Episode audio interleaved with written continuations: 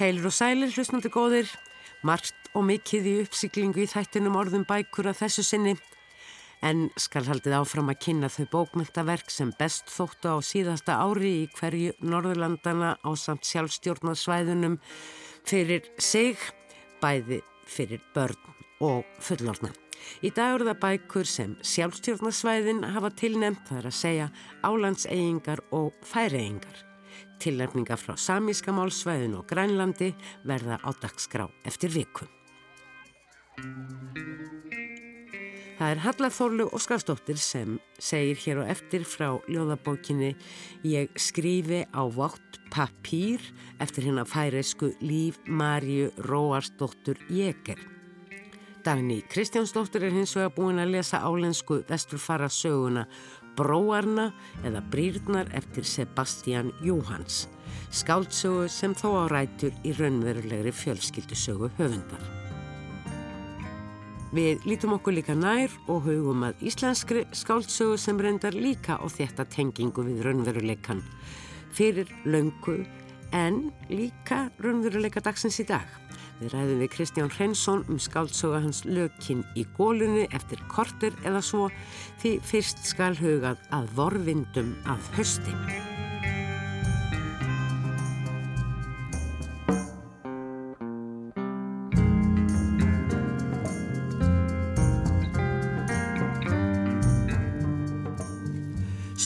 19. september kallaði Íslands deild Ippi til sín í borgarbókasafnið í grófinni áhuga fólk sem og fagfólk varðandi menningu barna.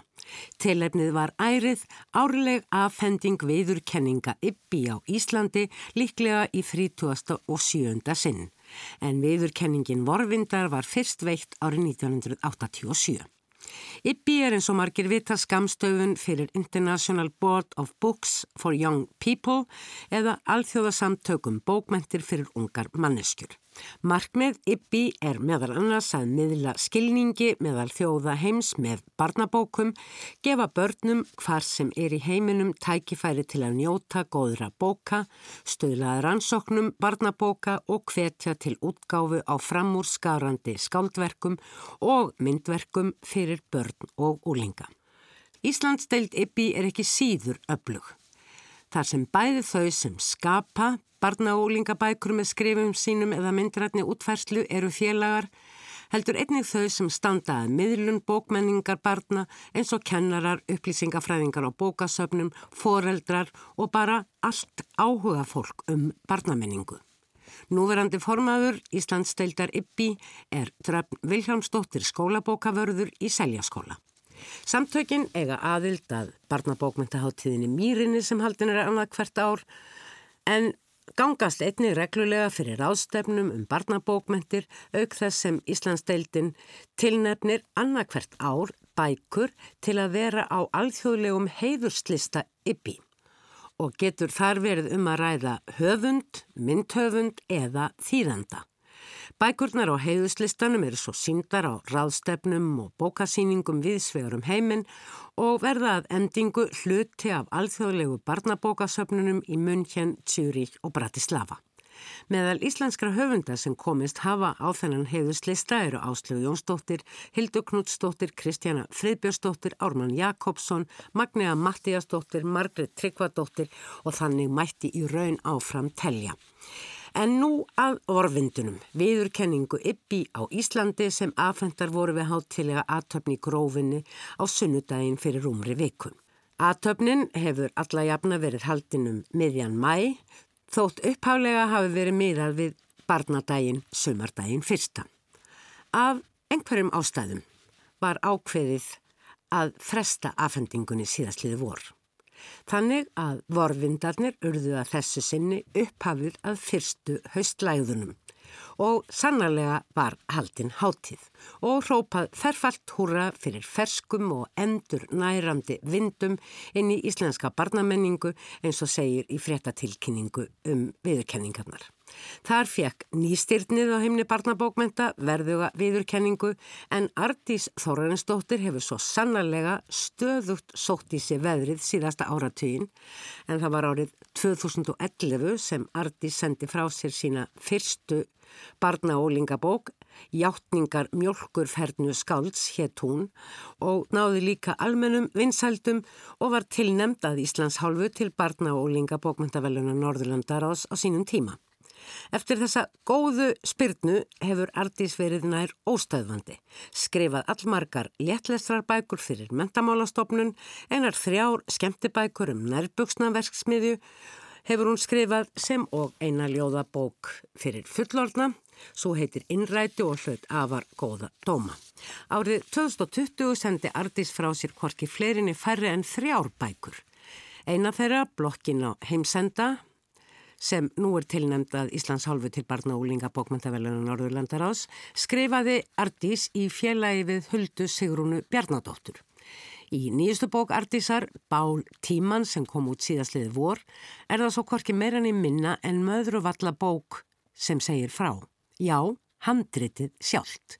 Í tilefni útgáfu þeirrar bókar var Ardís gestur þáttarins orðum bækur og las þá upphaf frásagnar möðruvallabókar.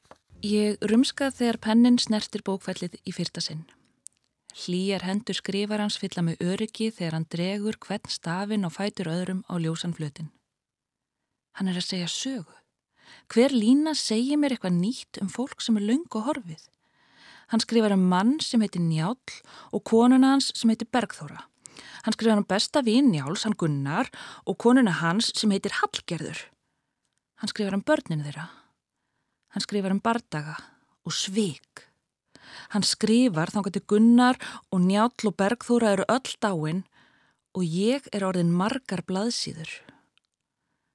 Þegar sögunni er lokið finnst mér ég skilja heiminn. Ég skil líka mannin, skrifar hann minn. Ég þekki hendurnar hans og ég þekki muldrið í honum þegar hann grúfi sig yfir mig og pýrir augun á gamla bók sem likur ofar á púltinu. Ardís hlítur vorvinda við kenningu Íslands deildar Ibbi árið 2021 auðvitað fyrir afreik sín sem barnabókahöfundur en einnig fyrir störf sín í þá lestrakvartningar barna sem og fyrir að vera öflug talskona barnabókmenta. En Ardís hefur meðal annars verið formaður Íslands deildar Ibbi um nokkur ára skeið. Auk Ardísar hlutu viður kenningu vorvinda þær Kristín Ragnar Gunnarsdóttir og Áslög Jónsdóttir. Áslög fyrir framlag sitt til bókmenta fyrir yngstu kynnslóðuna og þá sérstaklega fyrir myndvers sem svo er kallað, bókarinnar sjáðu en um þá ægifallegu barnabók með ofur lítið af texta í bundnu máli var fjallað hér í þessum þætti fyrir nokkru síðan. Það er svo mikið list að gera góðar bækur fyrir unga lesendur sem oftast sitja með foreldrum eða öðrum fullornum við að lesa og skoða sem er enn eitt bónusin í tengslum við bækur ætlaðar þeim yngstu, nefnilega samveran. Allt þetta, samveran, listræn útfæsla, spenna, fyndni, geska, framandleiki er að finna í nýjustu bók Áslögar Jónsdóttur, Sjáðu og það eru líka orð í þessari ágættu bók, Sjáðu. Sjáðu, kondu út, kíktu á, kynja dýr, stór og smá. Sjáðu ref, sjáðu fuggl, syngdu með, þölu ruggl. Sjáðu kött, sjáðu mús, sjáðu götur og hús. Sjáðu rósir í röð, rusla tunnan er glöð. Áslög Jónsdóttir las hér úr harðspjaldabókinni Sjáðu upptökuna má finna á YouTube. Þess má geta að Áslög var svo einni tilnemt til sætus á heiðustlista yppi árið 2022 fyrir þessa sömu bók. Og svo var það Kristni Ragnar Gunnarsdóttir sem hlaut varvinda viðurkenning árið 2021 fyrir hugmyndaríka miðlun sína á norrænum góðsögum í lengri skáldsögum Þar sem góðsögurnar líkt og smegja sér inn í hverstagslíf óskup venjulegra krakka eins og í sögunum um Ulf og Eddu eða eins og í Nordnasögum Kristínar Rögnu þar sem venjulegir krakkar flytja sig yfir í góðheima.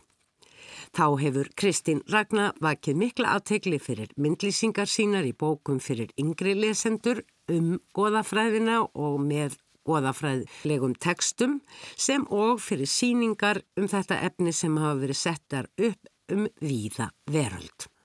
Fjórða og síðasta viðurkenning vorvinda fjall svo í hlut verkefnisins sjöndu bekkur mælir með en nefnendur og foreldra sjöndabekjar fósfóskóla sem líklega eru nú að hefja námi áttundabekk hafa undanfarna þrjá vetur verið með bókaklúb og gefið mánæðilega út tímaritt með bókaumsögnum sem dreift er til alls árgangsins.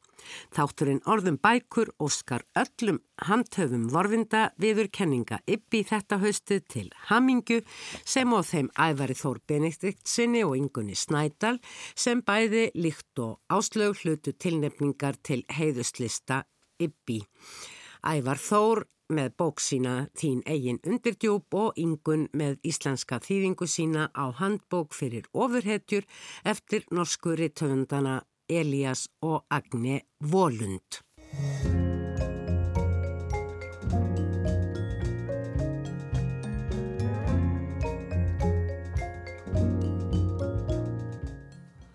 Kristján Hreinsson kynir sjálfansegjarnan sem skerjafjörðar skáldið sem er ekki óviðegandi, hann hefur lengst að búið í skerjafyrði og alltaf verið mjög hægt um að kasta fram vísum.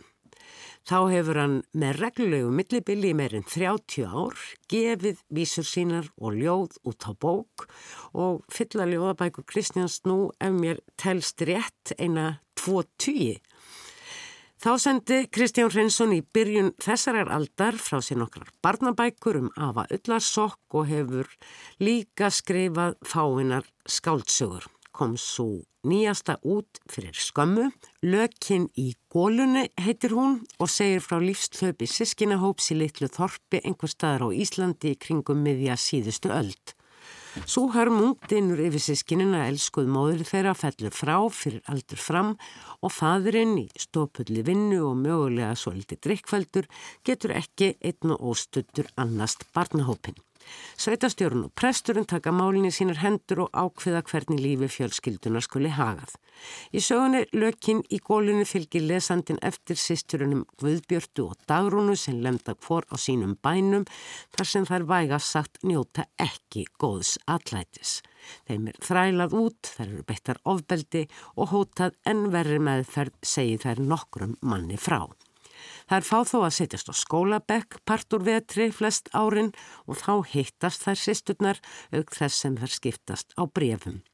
Sambandssistran er innilegt og náið og í krafti þeirrar ástar og umhyggju sem móðurinn náði að veita þeim á sínum tíma stappa þær hvori aðra stálinu og halda í þann draumsinn að eignast í fyllingu tímans eigin mann og börn og búa í sama húsi. Lökin í gólunni er saga um gamla daga, saga um ofbeldi yfirvalda, stjettskiptingu og þrældum. Slíkar sögur hafi gegnum tíðina oft verið sagðar og voru líklega hvað vinsalastar einmitt á þeim tíma sem þessi saga gerist svona um og fyrir miðja síðustu öld. Aðstæður allar og umhverfi gerir að verkum að sagan, lökin í gólunni, virkar kannski nokkuð gamaldags. En þá er einn veiga mikill munur á þessari sögu um niðursetninga og flestum öðrum slíkum sögum að það er ekki bara vinnuharkan annarsögur og draumarnir um betri framtíð hins vegar sem mynda kjarnasögunar. Hér kemur nefnilega kynferðisofbeldi við sögum. Þú segir aftan á bókinni Kristján að þessi saga sé að hluta til reist á raunverulegum atbyrðum. Er þetta MeToo bók? þetta er mjög góð spurning. Góða, eh, þannig er að eh, ég hef úr ansi miklu að móða þegar ég ákveða að skrifa þessa sögum og það tók mér langan, langan tíma að koma inn í heim og saman og og það eru átta árbóstalega síðan að ég byrjaði að kenna þessa sögu í reyðlist. Kenna þessa sögu, hvað mennar þau? Þá nota ég sagt, uppbyggingu hennar sem, sem, sem kennsluefni. Hvernig ég fór að því að byggja hana upp og hvernig ég kapla skipti og hvernig, ég, hvernig ég vann hana. Þannig að ég nota hana sem kennsluefni. En varandi spurningu þína að þá kemur þetta svolítið þannig uh, að mér þessi saga að í æskuminni þá heyrði ég uh, uh, það tvær konur segja eitt og annað af farir sínar ekki sléttar í, í, í sveitinni þegar að þeir voru börn og síðan komu fleiri og þegar ég fór að grúska og fór að kafa í þessa sögu bæði fyrir stríðsárin og á stríðsárunum þá sá ég að uh, mjög margt hefur bóstarlega leigið í þögn og verið þakkað frekar heldur en að það hefur komið fram og ég hafði mjög margar ákvörðat svona sögur til að segja í sjálfu sér. Þannig að þegar að ég uh, ákvaða að setja söguna saman þá ákvaði ég strax að kynna sem skáldsögu og kvika hvergi frá því Jafnvel þótt ég eh, reysi þetta á raunverulegum eh, atbyrðum, stórum og jafnvel sterkustum hluta til. En þá eh, kemur það aftur þetta sem ég hef stundum sagt að skálskapurinn er kannski besta leiðin til að segja sannleikan og svolítið svona heimsbyggileg sín sem að í því byrtist en auðvitað er ég svolítið þarna að högva í svona svipaða knérun eins og hefur verið í, í, í MeToo en uppgjör við þessa tíma þarf að eiga sér stað með einu við öðrum hætti og ég veit ekki alveg hvernig það verður gert en ég veit það allavega að eftir að ég eh, kom þessari sögu frá mér þá hefur eh, margt fólk haft við með samband og sagt að Þetta var ekki bara að gerast þar og þá heldur er þetta að gerast enn þann dag í dag.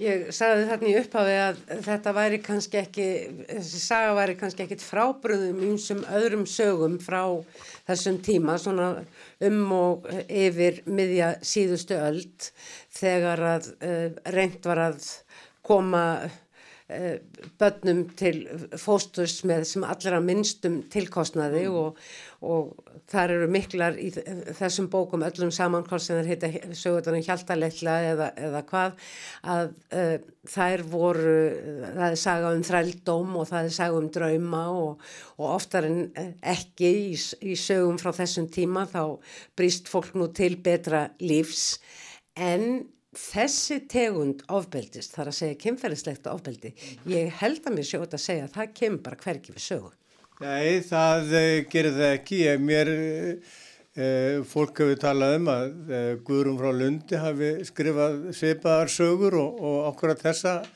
nema hvað að það er ekki neinstadar gefið til, til kynna að um kynferðislegt ofbeldi hafi verið að ræða. En ég aftur á móti varð að koma því að vegna þess að í að önnur personan sem ég hef sem fyrirmynd eh, sko, í grunninn, hún varð fyrir slíku og, e, og ég heyrði hann að tala um það og, en e, síðan e, þegar ég fór að grúska og fór að lesa skjöl og, og skoða þá sá ég að, að þetta kom fyrir á fleirin einum bæ og fleirin tveimur og fleirin þremur þannig að Ég varð að koma þessu að og varð að vera svolítið nærgöngull bæði við sjálfan mig og, og aðra varðandi þetta. Fyrst og fremst vegna þess að, að mig langaði til að segja einhvers konar sannleika í gegnum þennan skálskap. Mm -hmm.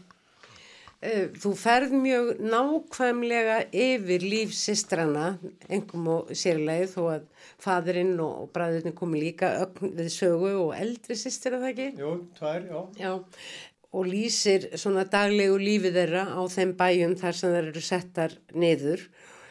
En svo er hins vegar farið nokkuð hraðar yfir sögu þegar að komið þeir fram á fullorðins árin og og draumarnir rætast í tíliftu steinhúsi í Kópavogi. Jú, það er einmitt akkurat það sem að uh, ég sá líka varðandi uppbygginguna og það sem ég var að tala um áðan sem kennsluefni að þá, þá síndi ég svolítið fram á þetta þegar ég var að benda nefndum mínu á hvernig ég byggði þetta upp að, uh, stóru atriðin fá stórt plás og, og uh, síðan fá hinn atriðin sem að kannski verða aðalatriði þurru upp er staði, þau fá svona frekar hraðferð Það eru svolítið svona, ég segi ekki skýslukend, það er svona bara rakið í stórum dráttum, já, svona, já, hvernig já. húsið er reist og síðan er það komið undir, undir þakk, börnin fæðast eitt af öðru hjá hvori sýstrana fyrir sig og svo verður það veikar og degja. Já, já, þetta er okkur að þannig, þannig að þetta er, það er, það er skiluðu sínu og draumar þeirra rættust En svo er annað sem er, er, eh, verður svolítið mikil þunga miðja í sögunni þegar við skoðum hana í gegnum í raun og veru þessa skýslugerð sem kemur undir lokin eins og þú kallar það. Það er bara eiginlega undir lokin, bara lifa og deyja og tilgangi að náð. En það er fyrirgefningin sem er svolítið mikið ríkjandi í þessari sögu. Það er enda rétt. Já, og, og þarna er ekki neyn svona kristileg svona mýtu fyrirgefning sem að uh, korki stennst uh, tímans tönnin helbriða skynsemi, það sem að hægt er að fyrirgefa bara eitt og allt og, og uh, treysta það sem eftir er. Fyrirgefningin sem að þarna er undirlikjandi er þess eðlis að það, það er fyrirgefa það sem orðið er en þær myndu aldrei treysta þessu fólki aftur. Og uh, ég veit að mjög margt fólk sem að lendi í slíku það var ekkert í því að senda börnin sín í sveit. Þannig að það er mjög margt varðandi þessa fyrirgefningu sem er óbúrslega heitlandi af því að ég kynntist inn að eigin raun og þessi fyrirgefning hún nær fram því sem fyrirgefning á að ná fram og það er það Ró í áframhaldandi lífi fyrir hlutaðiðandur eða hvað? Nákvæmlega. Það er það. Það er kjarnimálsins. Það er að maður finni í hjartanu að maður geti fyrirgefið það sem, ger, það sem hefur gerst en að maður lifi samt í eiginni reysn og láti ekki trafka á sér þrátt fyrir að maður hafi fundið einhvers konar fyrirgefningu.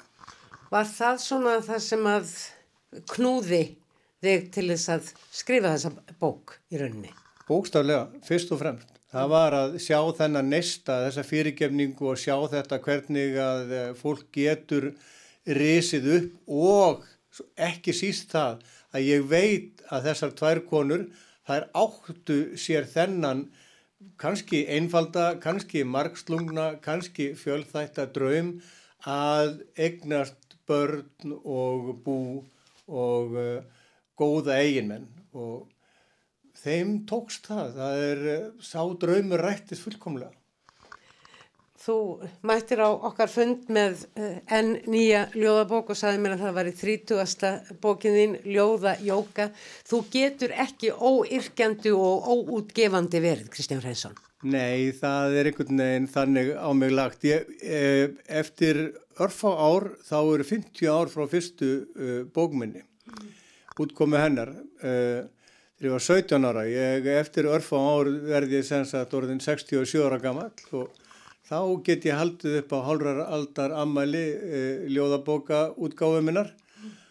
Og e, bækuna mínir eru orðnar 70 nú þegar held ég. Og e, að vísi eru, eru svona e, sérkynlega bækur inn á milli sem ég veit ekki hvort ég á að telja með en, en það eru örfa ár, það eru tvær eða þrjár. En En uh, þannig að cirka 70 eru bæku mínar orðnar í dag og ég á uh, sko allavega 6 óutgefna skáltsugur uh, og ég á líklegast einar 10-20 ljóðabækur óutgefnar. Bókstallega á ég skal ég segja 500 sonnettur óutgefnar og breytar eru enn að monta sig að því að Shakespeare hafi vort 100 slíkar. Þannig að Ég er ekki einhamur í þessum efnum frekar en öðrum held ég. Og lifur á þessu? Ég lifi á því að yrkja bókstallega vegna þess að þetta er bara minn lífselegsýr. Að yrkja ljóð eða yrkja sögur eða yrkja söngteksta. Þetta er mitt lifibröð og ég kenni með, ég lærði kennari líka og, og, og já, en þetta er það sem ég lifi fyrir og ég lifi fyrir að skrifa og skrifa til að lifa. Takk fyrir Kristján Reynsson.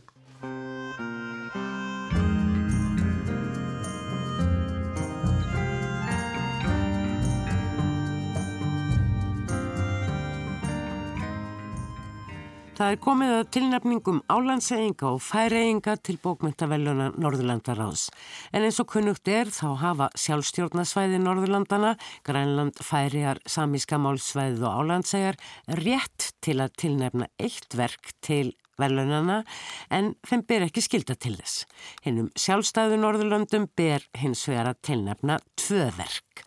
Í ár kjósa öll sjálfstjórnasvæðina tilnefna verk til velunana og Og hér og eftir segir Dagni Kristjánsdóttir frá tilnefningu Álandseyinga en þeir tilnefna skáldsöguna Bróarna eða Brýrnar. En fyrst segir Hallafóli Óskarsdóttir frá færisku ljóðabókinni Ég skrifi á ett vátt papír eftir líf Marju Róarsdóttir Jekar sem hér les brot úr ljóði sínu Ekko hjartað. Sett. Ning. Er nir. Er. Og ist tramp a teir suin e ris a fet a. A. Mut o vart a. Jast a. O. J a c l sta ut ui al heim in runk. Ur Rung and E Ui In An Opnum Sjöl Ljó Um E Vild E Framlag færiða til bókmyndaverluna Norðurlandaráðs í ár er ljóðabókin Ég skrifi á vatt pappir sem á íslensku myndi vantilega kallast Ég skrifa á blöytan pappir. Höfundurinn er Líf Marja Róadóttir Jæger. Líf er fætt árið 1981. Hún sendi frá sér ljóða hljómplötuna mitt nafn við honskrift árið 2014 og hér í upphafi heyrðu við brotur ljóði af þeirri plötu, ljóðið Ekko Hjarta. Líf er með meistaragráðu í heimsbyggi frá Kaupmannahafnar Háskóla. Ég skrifi á vatt pappir er önnur ljóðabók hennar en árið 2015 gaf hún út bókina Kvít Sól. Ég vil áður en lengra er haldið byggja færisku mælandi lustendur afsökunar á frambörðu mínum. Ég hef ekki mikla tilfinningu fyrir færiskri tungu en ber þó mikla virðingu fyrir henni. Ég vil þess vegna bara frekar sleppa því að reyna við frambörðin en gera það klauvalega og þess vegna fekk ég til mín Aðalbjörgu Árnadóttur leikonu til að aðstöða mig. Aðalbjörg, þú hefur hvað eins verið í færi, um treystur þér í færi skljóð? Ég skal reyna mitt besta. Ég er ekki útlærið í færisku og, og hef ekki lært hana almennilega nema leikið á færisku og þann hef ég mína þekkingu en ég lofa að ég skal reyna mitt besta og ég vona ég móðgi þú, þú getur alltaf að leiki þá ljóðin aðeins. Ég er, já, ég bara ger eins vel og ég get. Og hvernig er titillin borin fram? Sko orðið pappir er svolítið erfiður en ég skal reyna að gera mitt besta. Ég skrifi á vott pappir. Yngst hei, e, sagt og úrst. Ég skrifi á vott pappir er tilnæmt til bókmyndaverluna Norðurlandaráðs. Sjálf segir Líf að þrátt fyrir að bókin hafi ekki beina framvindu þá hafi tekstarnir einhvers konar ljóðræna framvindu. Í umsökk domnæmdar segir að ljóðin byggi á tengslum við annað fólk og textatengslum við önnur ljóðskáld, rítöfunda og heimsbygginga. Bókin fjalli um að skrifa til þess að skilja tengslinn og sambandið millir eigin hugsana og allra annara og um að skilja sjálfa sig sem barn, unga konu og mannesku sem tekur þátt í lífi annara. Ljóðmælandi er á mismunandi aldri í tekstunum. Amma ljóðmælandans hefur sterkar nærveru í gegnum alla bókina. Snemma kemur í ljós að hún er ný látin. Ljóðmælandi fer í gegnum eigur hennar, ljósmyndir veldur fyrir sér lífi hennar og personu, sambandi þeirra og sambandi ömmunar við aðra. Hún leitar að merkingu í tekstum, í bókum. Þessi heiðgula bók með illlesanlegum titli á kápu einiheldur áttakabla sem eru nokkuð mismunandi. Mig langar til þess að renna stuttlega í gegnum kablana, kynna þá eins og einhvers konar efnis yfirlitt til að reyna eftir fremsta megni að draga upp einhvers konar mynd af þessari spennandi og mjög svo fjölbreyttu held. Fyrsti kaplinn heitir Lumabók eða Vasabók.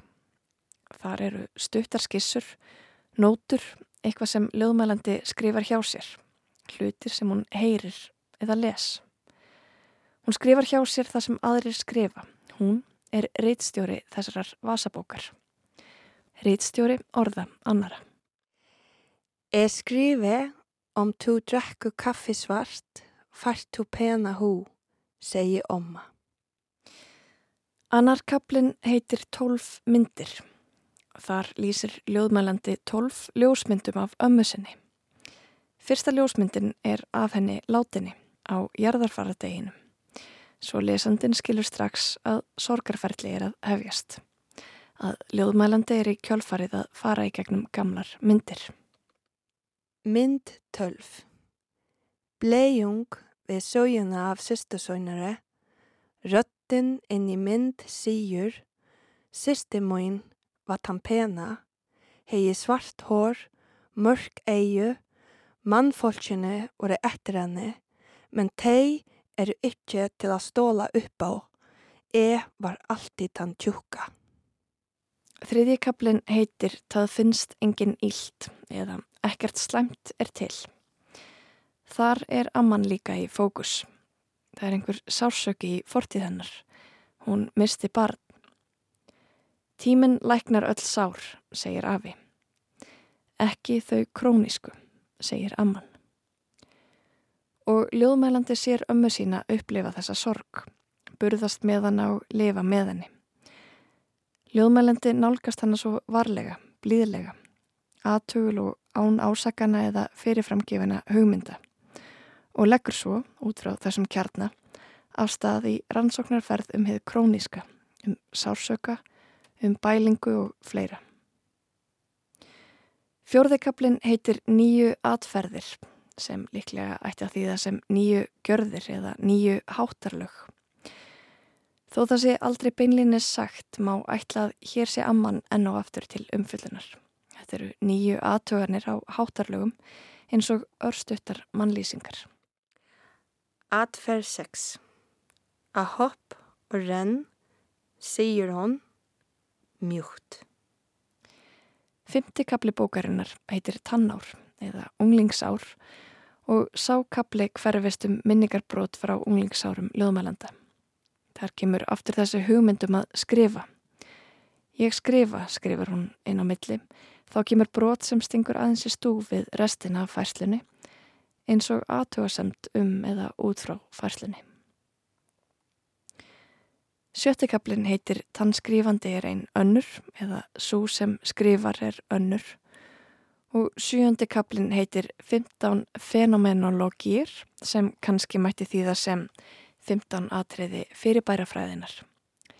Atriðunum er stilt upp á fræðilegan hátt, vísendalegan hátt og kablabrotin eru mert 1.0, 1.2 og svo framvegis.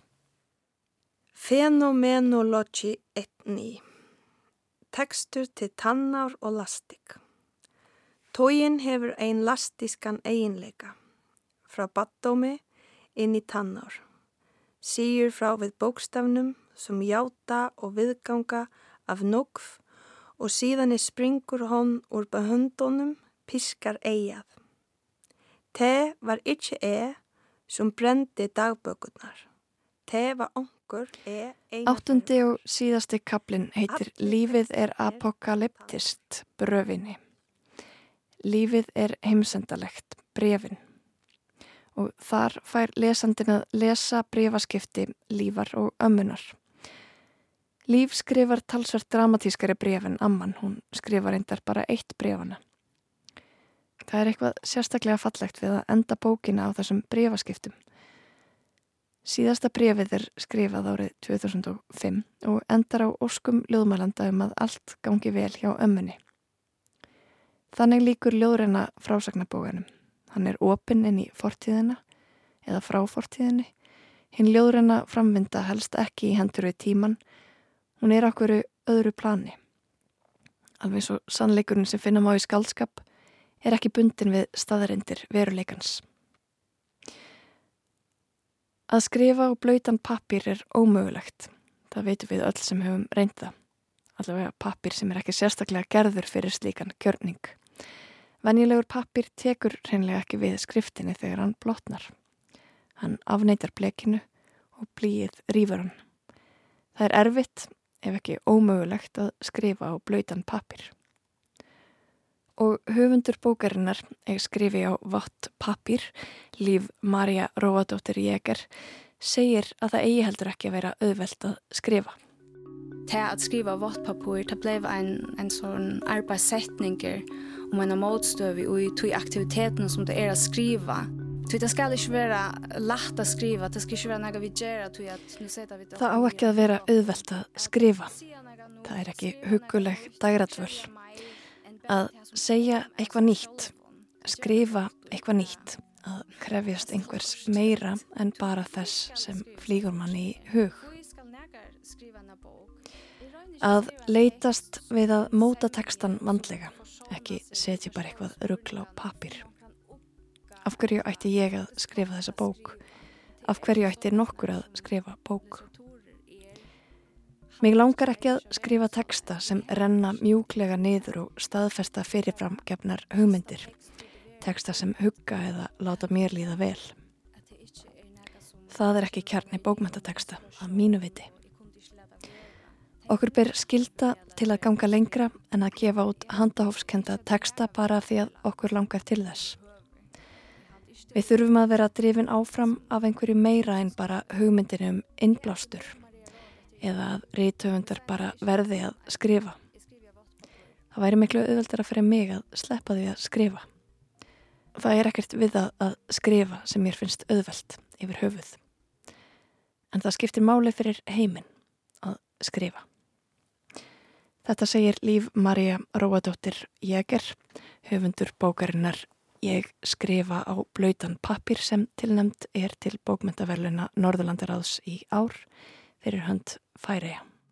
A, N, okkust, an, A, N, ter, tu, seg, e, men, men, men, her, ver, und, in, und, in, i, e, tuin, rødt, mot, ek, og, hjert, a.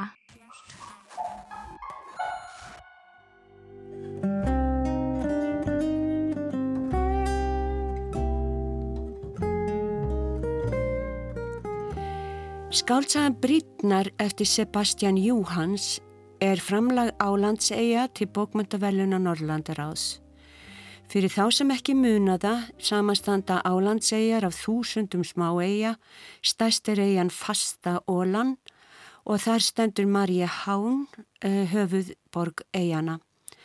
Álandseigar líka mitt á milli Svíþjóður og Finnlands og tengdust í gegnum aldirnar lengst af fremur Svíþjóð en Finnlandi. Árið 1921 var svo í atkvæðgreðsla ákveðið að eigarna skildi vera sjálfstjórnarsvæði og heyra undir Finnland þó að eigabúar séu sænsku mælandi. Í dag eru íbúar eigana um 30.000 og þaðan hafa komið margir afbræðsriðtöfundar og listamenn gegnum tíðina. Vesturferðirnar á síðari hluta 19. aldar voru á sínu tíma mikil blóðtaka fyrir fámenn samfélög eins og Ísland og Álandsegjar. Böðva Guðmundsson skrifaði þá sögu fyrir Íslendinga í bókonum Hýbíli Vindanna 1995 og Lífsins 3 1996. Vilhelm Múberg skrifaði stórvirkið Útflýtjendurna um sænsku vestuferðirnar árið 1949. Norðmenn eiga engin svipuð stórverk um vestuferðirnar en þar koma enga síðu mikið við sögu í bókmöndum þeirra Vestufarasögurnar eru yfirleitt breyðarsögur um stórar fjölskyldur, mikla fátakt og baráttu, stóra drauma og mikla ósigra eða stórsigra. Brítnar eftir Sebastian Júhans sker sig úr hópi vestufarasagnana í því að hún fjallar meira um einstaklinga en samfjölug. Samt er í þeim öllum sama byggingin í grófum dráttum, sagt er frá ferðinni yfir hafið, kominni til Ellis Island, þar sem innflytjandur eru skoðaðir, vegnir og metnir, sumi fara áfram en öðrum er snúið tilbaka. Þetta er martröð, fólk er meðhandlaðið svo búfje og loftið þygt af óta og reyði. Næst er að velja áfangastað í fyrirheitnalandinu, koma sér fyrir, vinna, egnast börn, berjast, verða farsæl eða tapa og eða snúa aftur sem sigurvegarar eða taparar. Í brúinum er fyllt í þremur sískinum frá Álandsegjum, tveimur bræðurum, Karl og Teddy og sýstur þeirra Ænu. Karl er elstur og leiðtógin, hann dreymir um að verða brúarsmiður og verður það. Hans býður að vinna við mannvirki eins og stóru brítnar í New York Hann er smiður og verkstjóri, sjálfmentaður og vegna vel. Hann er trúaður og íhaldsamur og á aðeins einn draum, amríska drauminn. Bróðurinn Teddy er laglegri, kátari og mannblendnari og fær skrifstofuvinnu fljótt. Æna er harðdugleg, laghend og listræn og fær fljótt vinnu í rittfangabúð og giftist eigandanum. Öll leggja þau sig eftir ennsku en haldaði sig fyrir sig og leita alls ekki upp í aðra Skandinafa. Á svipum tíma um aldamótin 1900 kemur ung stúlka með skipi vestur um haf.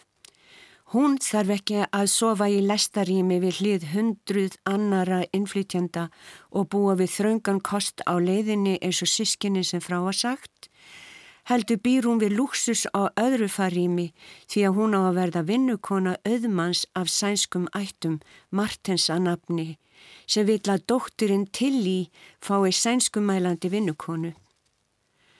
Stúlkan heitir Ída Levína og kemur úr sömu sveit og sískininn Karl, Tetti og Æna.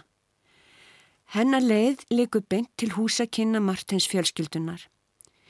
Ída Levína heldur hún eigi að vera badfóstra á heimilinu en dótturinn Tilly reynist ung stúlka á svipum aldru hún og framan af heldur Ída að hún eigi þá kannski að verða lagsmegi hennar en ekki þjónustu stúlka en verður í raun sambland af þessu tvennu. Í hvert sinn sem hún heldur hún sé að verða vinkona Ídu er hún mynd á stöðu sína. Það er engin munur á stjættarhroka í nýja heiminum og þeim gamla. Ídalega vína er alltaf þeirra uppi staðið aðeins einn af 60 þjónum Martinshjónana og dóttur þeirra. Það er Agnes, ráðskonan, sem tekur eftir því að Ída er einmanna og óörug af því að hlutverk hennar er ekki ljóst. Hún lætur Ídu hjálpa til í eldhúsinu þegar til í þarnast hennar ekki. Það þarf alltaf aðstofið að leggja á borðið segir hún. Það er næstum eins og leikur að leggja á borð fyrir fjölskylduna. Hún hjálpar til við það næstum daglega. Tilly kemur seint á fætur og þá er gott að hafa eitthvað fyrir stafni á mótnana. Ef veðrið er gott leggja þau alltaf á borð fyrir tvo morgunverði. Þann hefðbundna í húsinu að sjálfsögðu og annan úti í rjóðri í þjættasta skóglendinu á reysastóri róðinni. Dagstaglega stóð bara einn og yfirgefin bekkur í rjóðrinu. Ef veðrið var mjög gott báru þau út ringborð og nokkra staka stóla til viðbótar við bekkin. Stór kvítur dúkur, þakin næstum ósýnilegum útsaum. Servjettur, borðbúnaður úr nýfægðu silfri. Maður varða að vera varkár þegar maður bar út botla og fött. Postulínið er þund, þund og austurlenst. Það er kallað útiveru borðbúnaðurinn. Ostar og marmelaði, sigurskál, glitrandi kristalslokk til að leggja yfir það sem laðaði flugurnar að. Stóri samóvarin var tveggja manna burður. Kaffikannan var minni. Kanna með ávastasafa, kanna með vatni, statíf með nokkrum flöskum af hunangi og hlinn sírópi. Glertaparnir á flöskonum varpa logandi minstri yfir borðið. Brauðið bera þau ekki fram fyrir en einhver í fjölskyldunni hefur sest til borðs. Þegar allt er komið út, kemur Agnes úr eldhúsinu og lítur eftir að allt sé í lægi. Ef ekki Agnes, þá Harrison Briti eða frú Ingman sem er ábyrg fyrir líni og silfri. Þær þrjár fara sama ringin og aðtúa nákvæmlega kvettisk og uppröðun á borðinu. Borðið lítur eðlilega út en nákvæmnin er ótrúleg. Flesta daga borðar fjölskyldan innan hús og allt er borið ósnert inn aftur. Nei, þú átt ekki að skilja, þú átt bara að gera, segir Agnes Ströng þegar Ída Levína gerir gletna tilraun til að fá það á hreint hvers vegna borðið í gardinum er alltaf dúkað en svo sjaldan notað. Ída Levína hittir Karl á einni ferjunni, þau kynnast, verða ástfangin og giftast. Í fyllingu tímas eignastu dreng sem fær nafnið Aldur. Eftir að Ída Levína kemur til sögunar fylgir sagan henni þéttar en Karl og lesandi dregst inn í líf hennar og tilfinningar. Ástennar á frumburðunum er mikil. Hún fer með hann í heimsók til sænska sapnaðaprestins og konu hans, það er heitt í veðri og þegar prestspötnin vilja fara að róa út á nærlegjandi vatn, tekur Ídalega vína það að sér en prestfrúin á að passa aldur sem er tvekja ára. En prestfrúin sopnar og þegar ídalega vína kemur aftur hefst leit að barninu. Prestsbörnin hlaupa um og leita. Þau þekki alla felustæði og slútandi runna. Hann er ekki í húsinu, ekki í útihúsunum heldur. Þau taka í hurðina á litla garðhúsinu hjá engveist fólkinu. En það er læst. Ída Levína finnur áhyggjurnar skella á sér. Hún er vön að skilja hann við sig stuttastönd. Á tröppunum í nágrenninu, með öðrum börnum. Hann fer aldrei burtu, stendur alltaf kyrra á sama stað þegar hún skýst inn í búðina á hodninu. Engver gefur frá sér kvell óp. Þau koma neðan frá bryggjunni. Hún flýtir sér kringum húsið. Elsta prestsparnið liggur á bryggjunni með handleginu ofan í vatninu. Tógar í eitthvað. Tógar í barnið hennar. Hún hendist, tekst að krafsa byrðina til sín, ná henni upp úr vatninu. Hann er með fötu á höfðinu, eins og hjálm. Honum finnst gaman að leika Hermann með fötu á höfðinu. Hann er reyfingalauðs, bláleitur eða kvítur, litirnir fljóta saman. Það rennur vatn úr munni hans. Hún heyrir að hún talar eða rópar heyrir ekki hvað hún segir. Tekur fast um magan. Dettur. Harmur ídulega vínu er ósegjanlegur. Hún er ófrísk af öðru barni, dótturinni Lídíu, sem hún aldrei getur elskað eins og sonin sem hún misti. Sú dóttir fær barnaveikina sem þá geysar og verður fölluð. Þetta er annað áfallið sem dinur yfir fjölskylduna Ída Levína er breytt en Karl ekki. Hún vil fara heim aftur til Álandsegja en hann ekki. Hún snýr aftur heim ófrísk með lítiðu litlu með sér og hún fæði tvýbura í litla húsinu hjá móður Karls. Það verði mikill léttir fyrir hann að koma heim og fá hjálp með börnin og geta verið örugum þau þó að kjörin séu kröpp. Karl kemur loks yfir hafið fjárfesti spari fyrir þeirra í stóru húsi í Marja Hán. Ídalega vína velur það og þar vill hún byggja fram til fjölskyldunar og barnana þryggja. En Karl getur ekki gengið að því. Hann fyrir aftur yfir hafið. Hann er orðin bandaríkja maður. New York er hans heimur enda hefur hann sett svipsinn á borgina í hennu risavöksnu brúm sem hann hefur byggt henni til dýruðar. Hann vonar að Ída Levína skiptum skoðun en hún getur ekki hugsað sér það.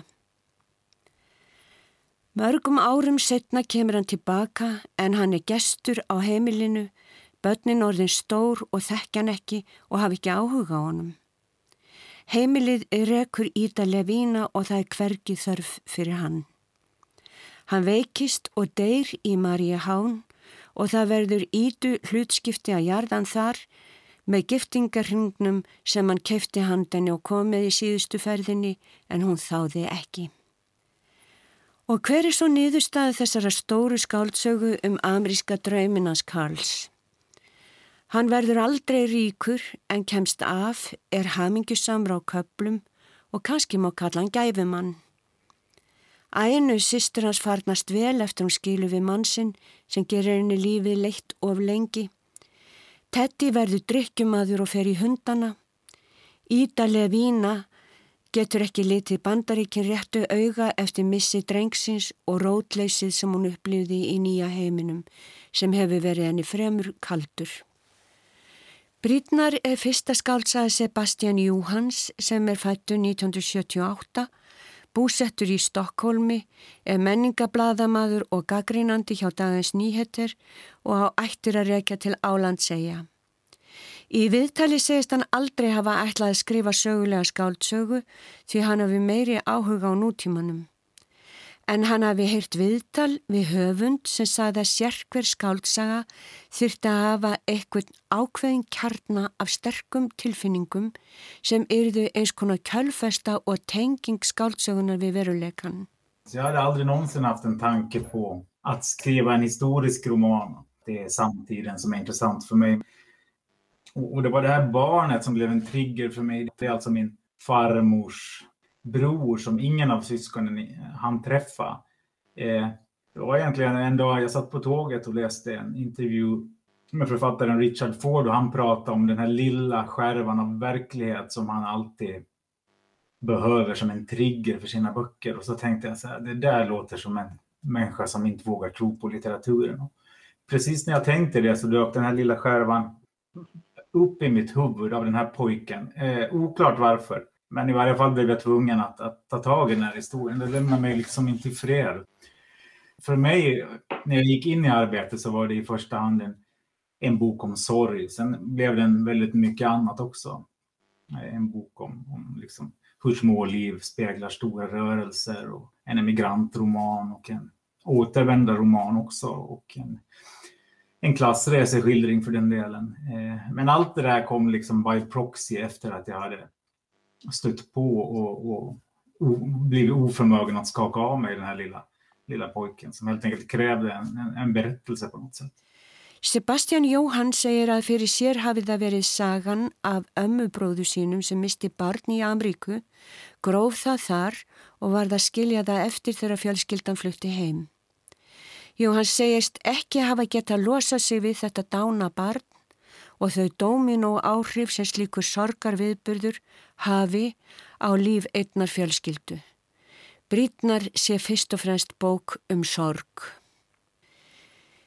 Brítnar er fáið bók, stílin er rólegur og það er nostrað við smáatriði og hluti látin tala fyrir heilt. Stundum verður þetta þreytandi en bókin er gegn síð af trega sem gerir hana fallega og eftirminnilega. Hver veitnum hún reppi bókmyndaverlu Norrlandaráðs? Fleiri verða orðum bækur ekki að þessu sinni.